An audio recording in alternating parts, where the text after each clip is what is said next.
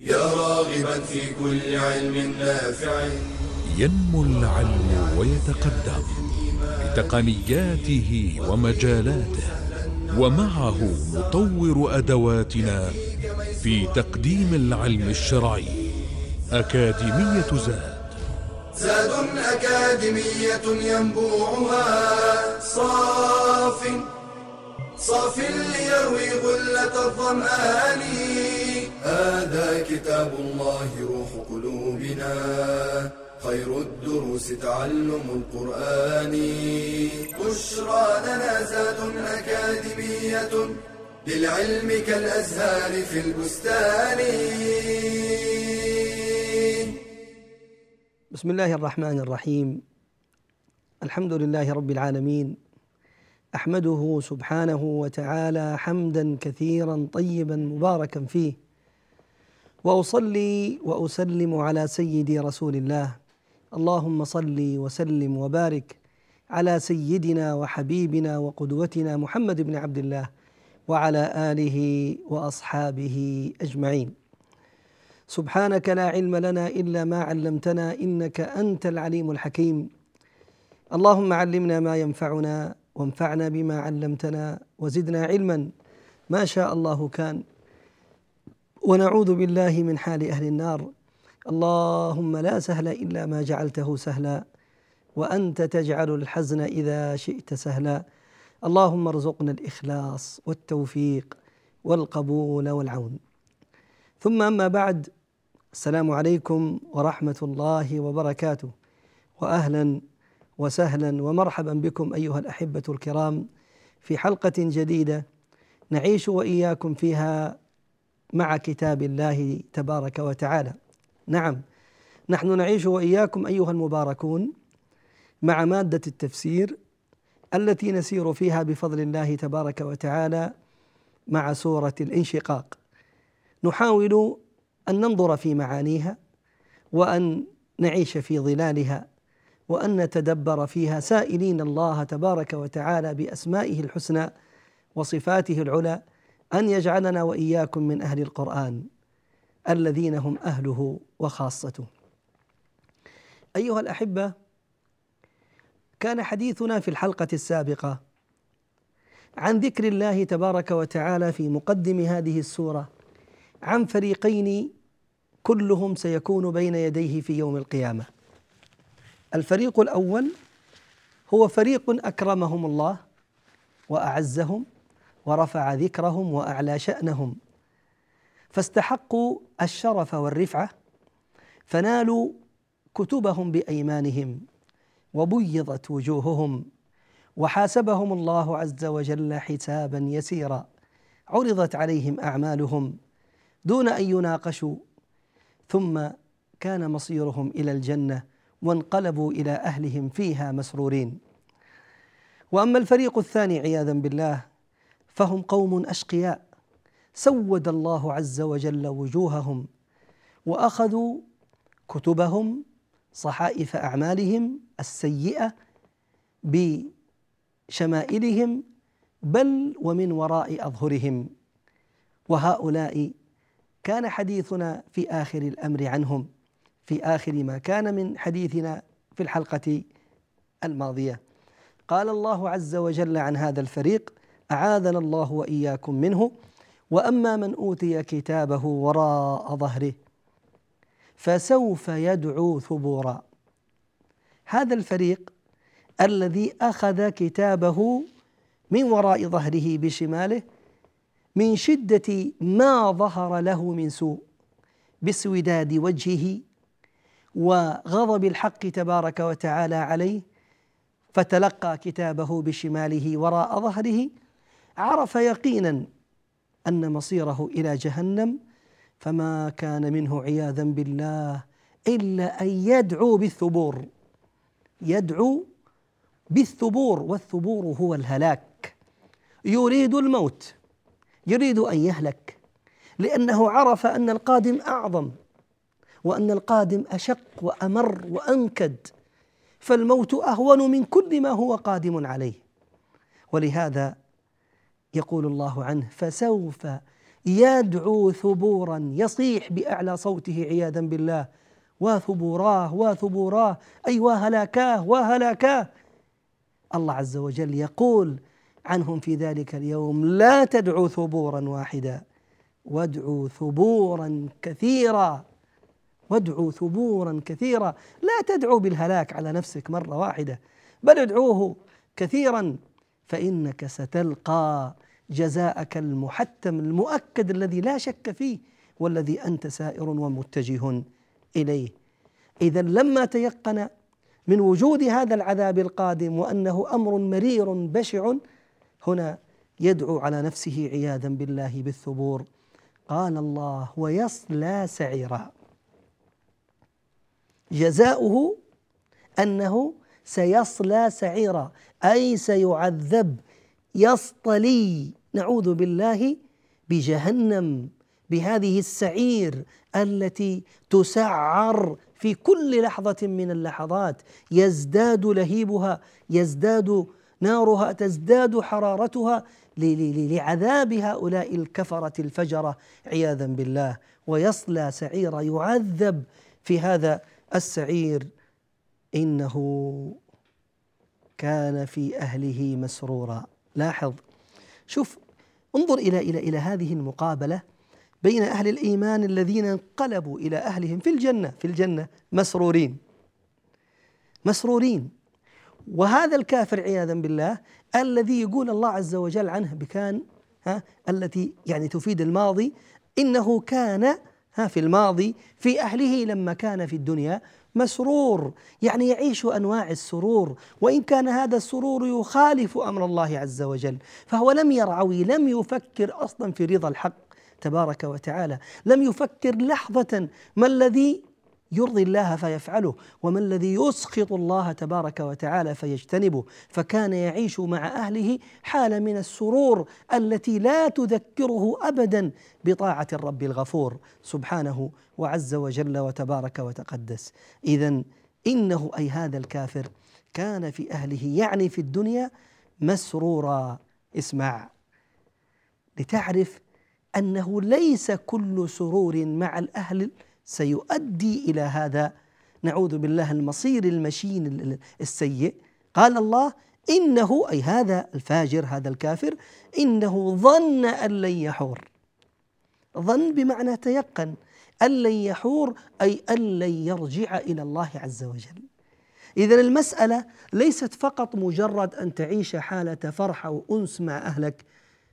في في في طاعة الله عز وجل أو في مباح من المباحات، هذه لا يؤاخذك الله تبارك وتعالى عليها، ليس هذا الأمر، إنما الأمر هو أن هذا الذي كان يعيش حالة السرور مع أهله في الدنيا رجل كان يكذب باليوم الآخر، كان متيقن عنده يقين أنه لن يرجع إلى الله عز وجل، لن يحور أي لن يرجع إلى الله تبارك وتعالى، الحور هنا بمعنى الرجوع. ومنه قول النبي صلى الله عليه وسلم إذ كان يستعيذ بالله تعالى من الحور بعد الكور أي من الرجوع للخلف بعد أن يتقدم الإنسان إلى الله تبارك وتعالى في دينه وإيمانه. نعوذ بالله من الحور بعد الكور أي من الرجوع إلى المعاصي والذنوب بعد أن أكرمنا الله تبارك وتعالى بالإيمان وبالعمل الصالح. اذا كان متيقنا أنه لن يرجع إلى الله. تبارك وتعالى. فكان ذاك هو السبب الرئيس الذي من أجله استحق أن يكون ممن أوتي كتابه بشماله وسود وجهه وأوتي كتابه وراء نعوذ بالله ظهره وكان يدعو بهذا الثبور وسيصلى تلك النار ذاك السعير الذي أعده الله تبارك وتعالى لهؤلاء العصاة، اذا لا يفهم البعض أن المراد إنه والله يعني السبب في العذاب هو ذاك السرور مع الأهل؟ لا. وإنما المراد أنه كان مع فجوره وعلى مع مع عدم إيمانه بلقاء ربه كان في أهله يعيش حالة من الغفلة أدت به إلى هذا السرور الذي قطعه عن طاعة الله وكان مقبلا على معصية الله بكل أنواعها وأعظمها الكفر بالله تبارك وتعالى. وإلى فاصل ونعود إليكم إن شاء الله. بشرى لنا زاد أكاديمية للعلم كالأزهار في البستان.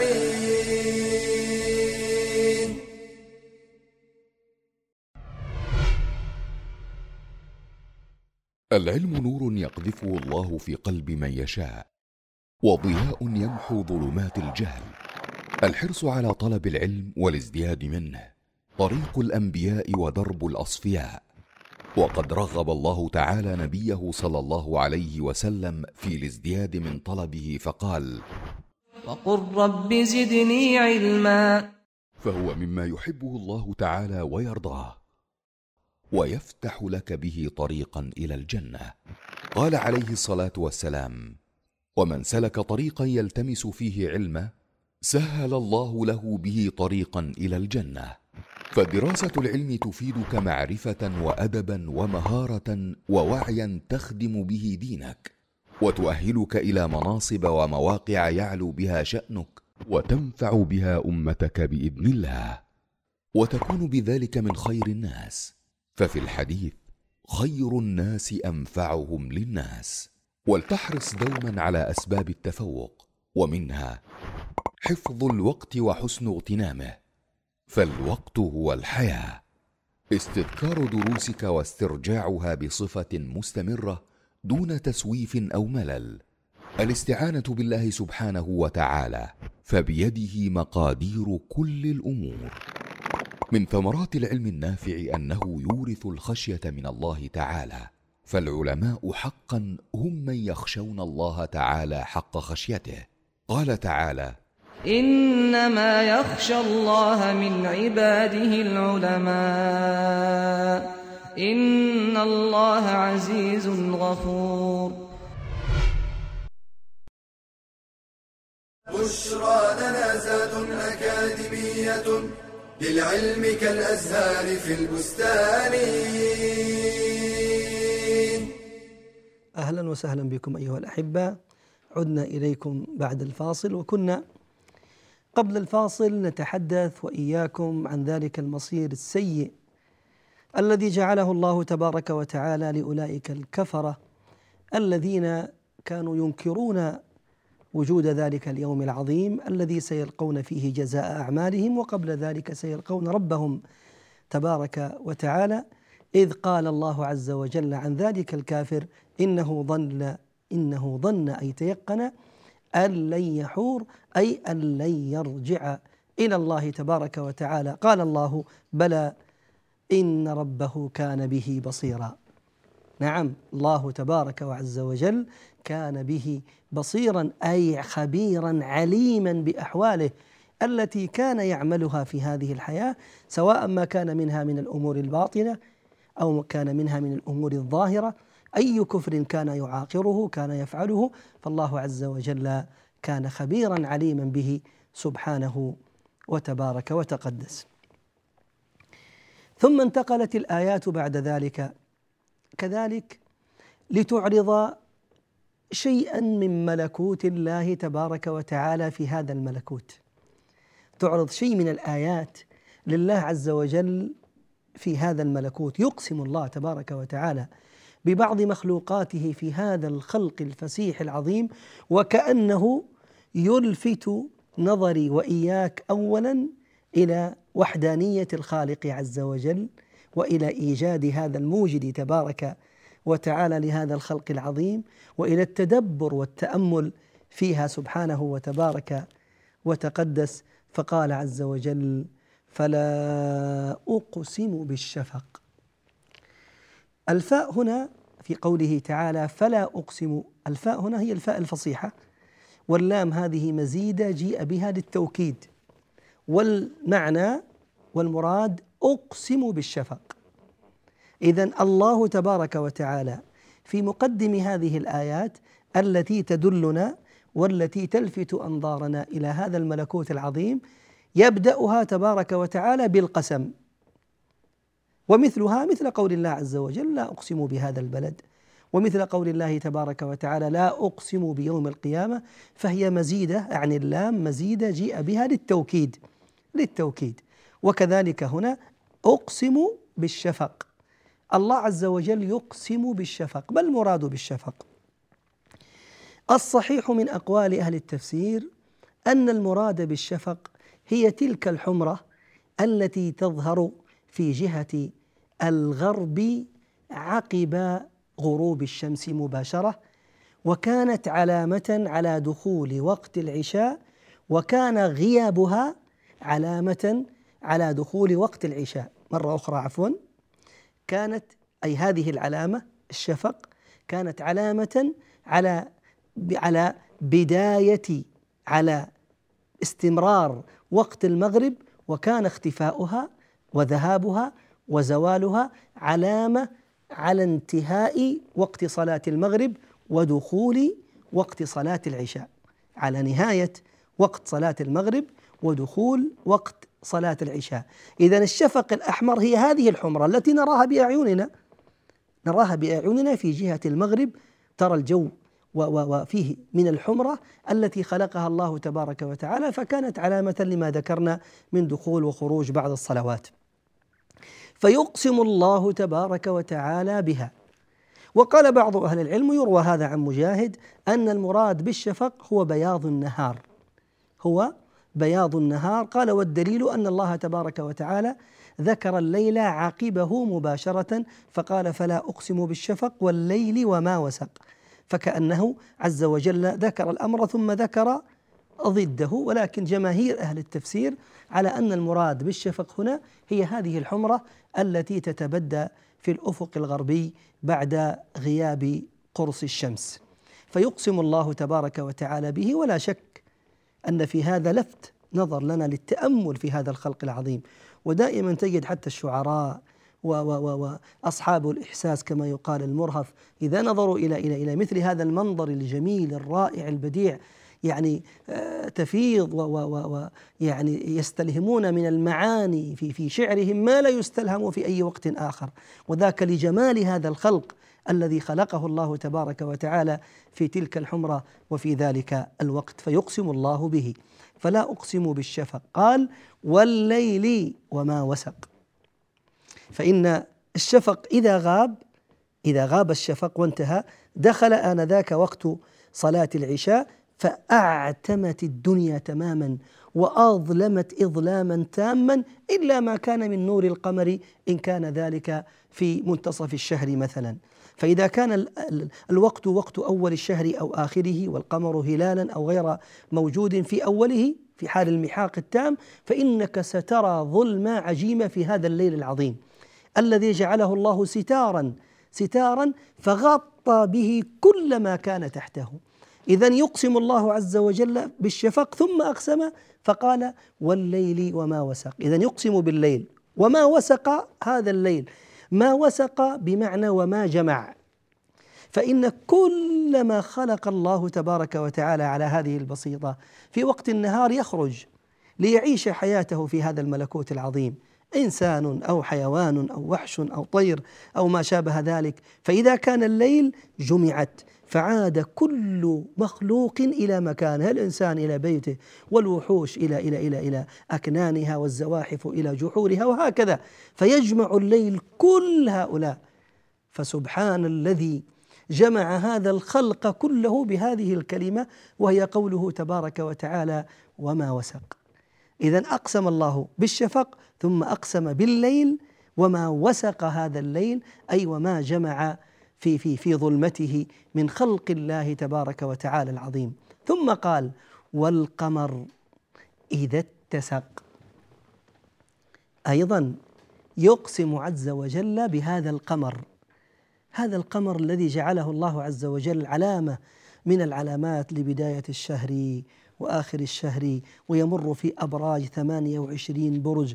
لكل بر يعني برج منها حالة من الحالات يستدل بها العلماء.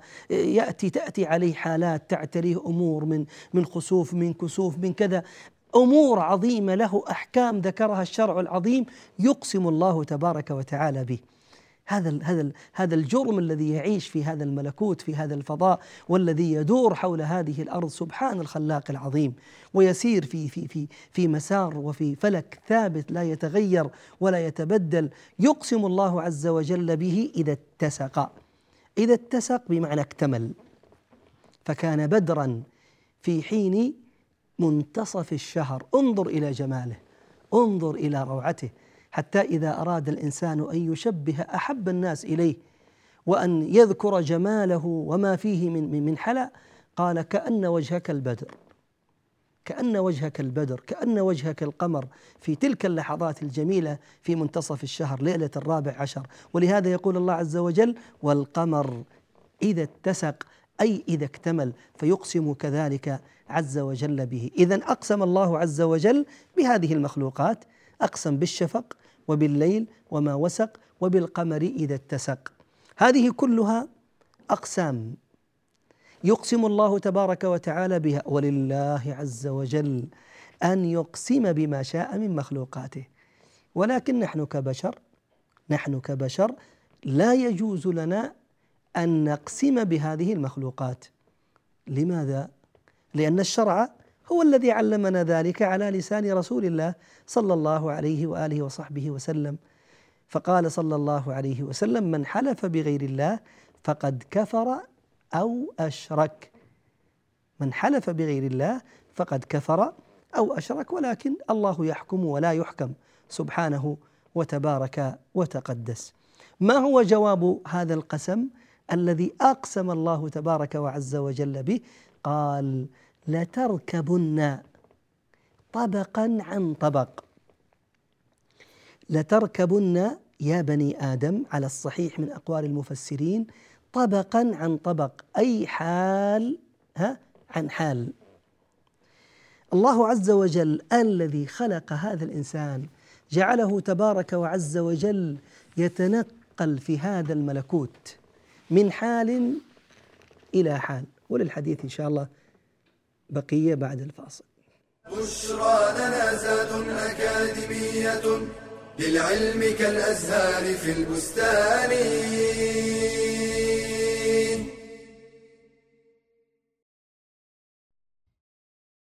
عن أي شيء تبحث؟ وفي أي شيء ترغب؟ وماذا تطلب؟ وما هي همتك في هذه الحياة؟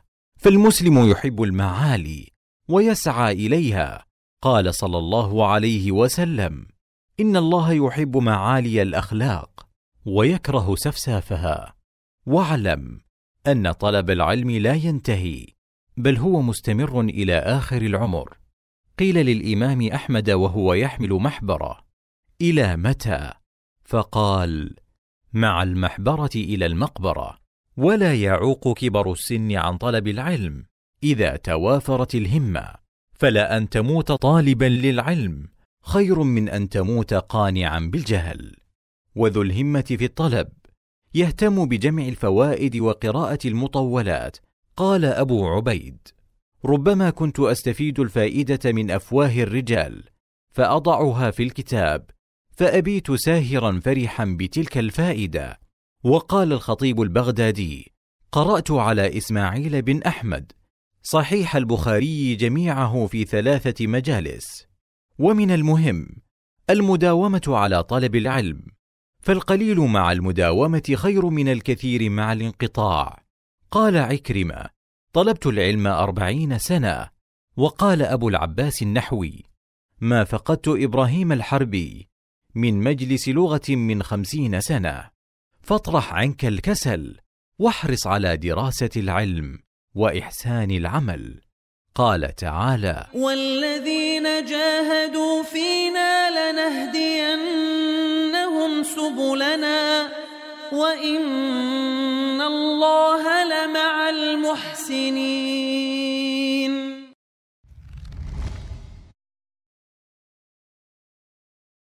بشرى لنا زاد أكاديمية للعلم كالأزهار في البستان. أهلا وسهلا. حياكم الله أيها الأحبة. عدنا إليكم بعد الفاصل. وكنا قبل الفاصل بدأنا الحديث عن جواب القسم. أي قسم؟ القسم الذي ذكره الله تبارك وتعالى في هذه السورة المباركة التي نحن بصدد الحديث عنها وهي سورة الانشقاق إذ قال الله تبارك وتعالى فلا أقسم بالشفق والليل وما وسق والقمر إذا اتسق. جواب القسم لتركبن طبقا عن طبق. أي يا بني آدم لتركبن وتمرون من حال إلى حال.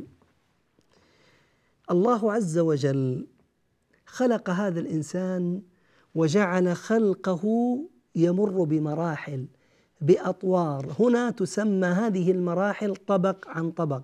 يعني والطبق هو يعني الشيء الذي يطابق ما قبله ويطابق ما بعده كأنها أمور متساوية. فالإنسان مثلا يمر بعدة أطباق من بداية خلقه. فمثلا جعله الله عز وجل يمر في أول أمره بطور النطفة طبق النطفة ثم ينتقل بعد ذلك ليعيش ها طبق أو مرحلة أو طور العلقة ثم ينتقل بعد ذلك إلى المضغة مخلقة أو غير مخلقة ثم يخرج إلى هذه الحياة الدنيا ليعيش طبقا جديدا. هذا الطبق الجديد كذلك الذي بدأه في هذه الحياة يمر بعدة أطباق فيبتدئ بحال الصغر حال الضعف حال الوهن ثم يبدأ هذا الإنسان يعيش في هذا الطبق إلى أن يشتد. وإلى أن يكبر فيعطيه الله عز وجل من القوة ومن الشدة ومن المنعه ما لم يكن لديه. ثم يبدأ هذا الطبق ها في النزول في النزول والتهاوي إلى أن يصل إلى مرحلة الكهولة والشيخوخة فيصاب بالوهن والضعف كما بدأ في أول أمره في الطبق الذي كان قبل طبق القوة. ثم بعد ذلك ينتقل إلى حياة أخرى إلى طبق جديد يعيشه في الحياة البرزخية ثم تكون الحياة الأخرى التي سيمر الله عز وجل أو يكون فيها هذا العبد متنقلا كذلك من طبق إلى طبق. فيقسم الله عز وجل بهذه المراحل التي سيعيشها ابن آدم. ليس في خلقه فحسب بل حتى في الأزمان الليل والنهار.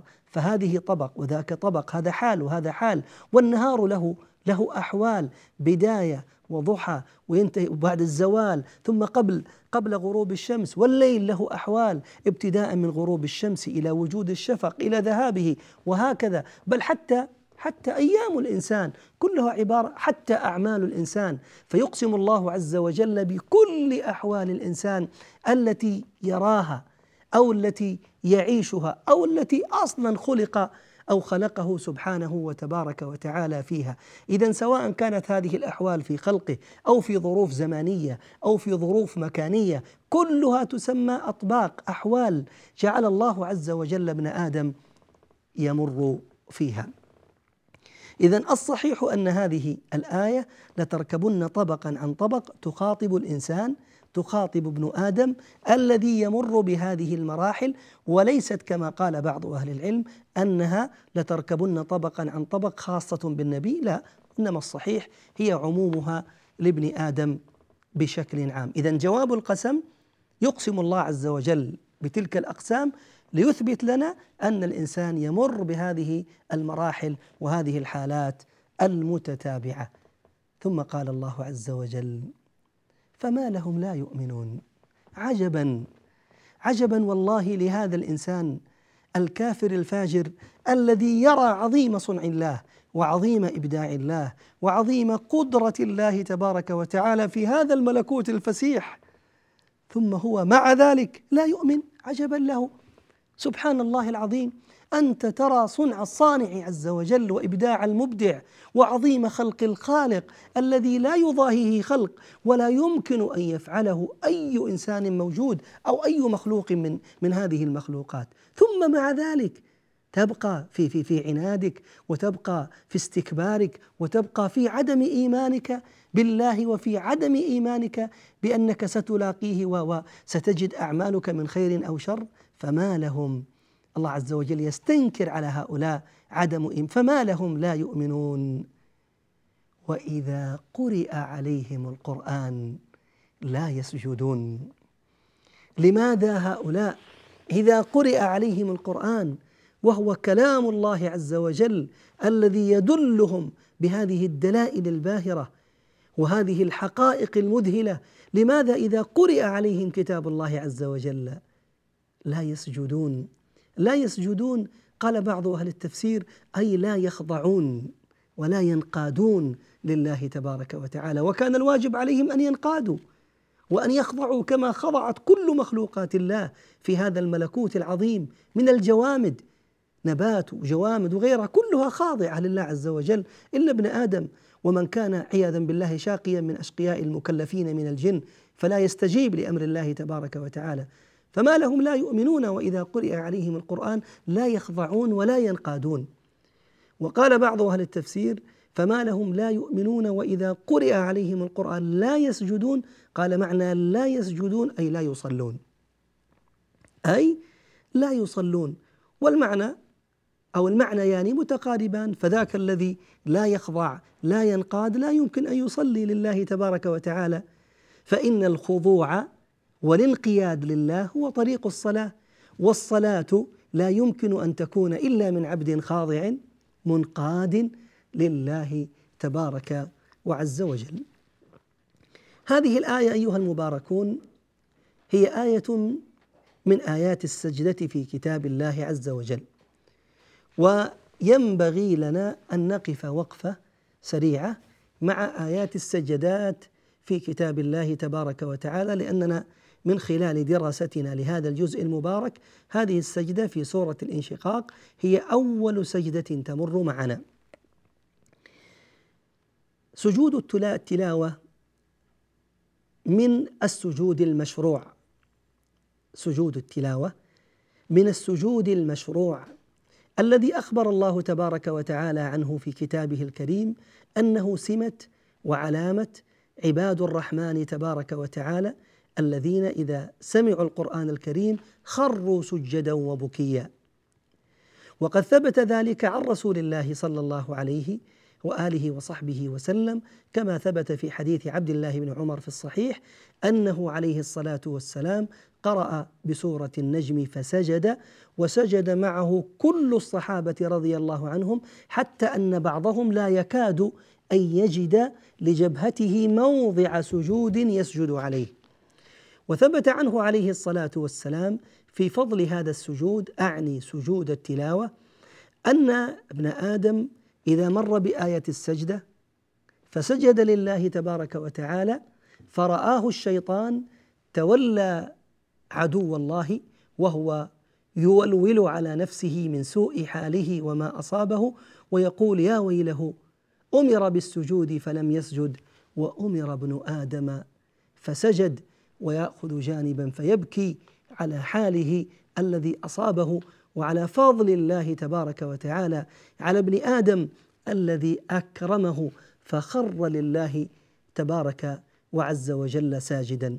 اذا سجود التلاوة سجود التلاوة من السجود المشروع وحكمه على الصحيح سنة مؤكدة في قول جماهير أهل العلم. سنة مؤكدة في قول جماهير أهل العلم خلافا لمن قال من العلماء بوجوبه والذي يدل على سنيته وعدم الوجوب حديث عمر.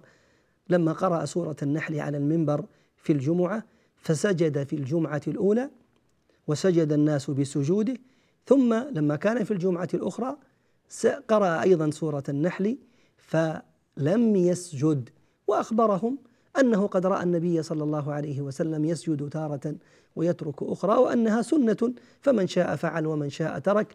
وكان الصحابة بمحضر في ذاك المجلس وهم يشاهدون عمر رضي الله عنه وأرضاه يفعل ذلك ولم ينكر عليه أحد فكان سكوتهم كالإجماع على فعله أنه من شاء سجد ومن شاء ترك. ولكن لا ينبغي للمؤمن أن يترك هذا الخير العظيم وهذا الفضل الكبير الذي أخبرنا عن مشروعيته وعما يفعل أو يفعل بعدو الله إبليس ناهيك عن عظيم الأجر والثواب الذي جعله الله تبارك وتعالى للساجد. وإن شاء الله في الحلقة القادمة سنكمل الحديث عن بعض أحكام سجود التلاوة. نفعنا الله وإياكم بما نقول ونسمع وجعله في موازين حسنات الجميع. وصل اللهم على سيدنا محمد وعلى آله إلى يوم الدين. يا راغبا في كل علم نافع متطلعا لزيادة الإيمان وتريد سهلا النوال ميسرا يأتيك ميسورا بأي مكان زاد زاد أكاديمية ينبوعها صاف صاف ليروي غلة الظمآن. بشرى لنا بشرى لنا بشرى لنا زاد أكاديمية للعلم كالأزهار في البستان.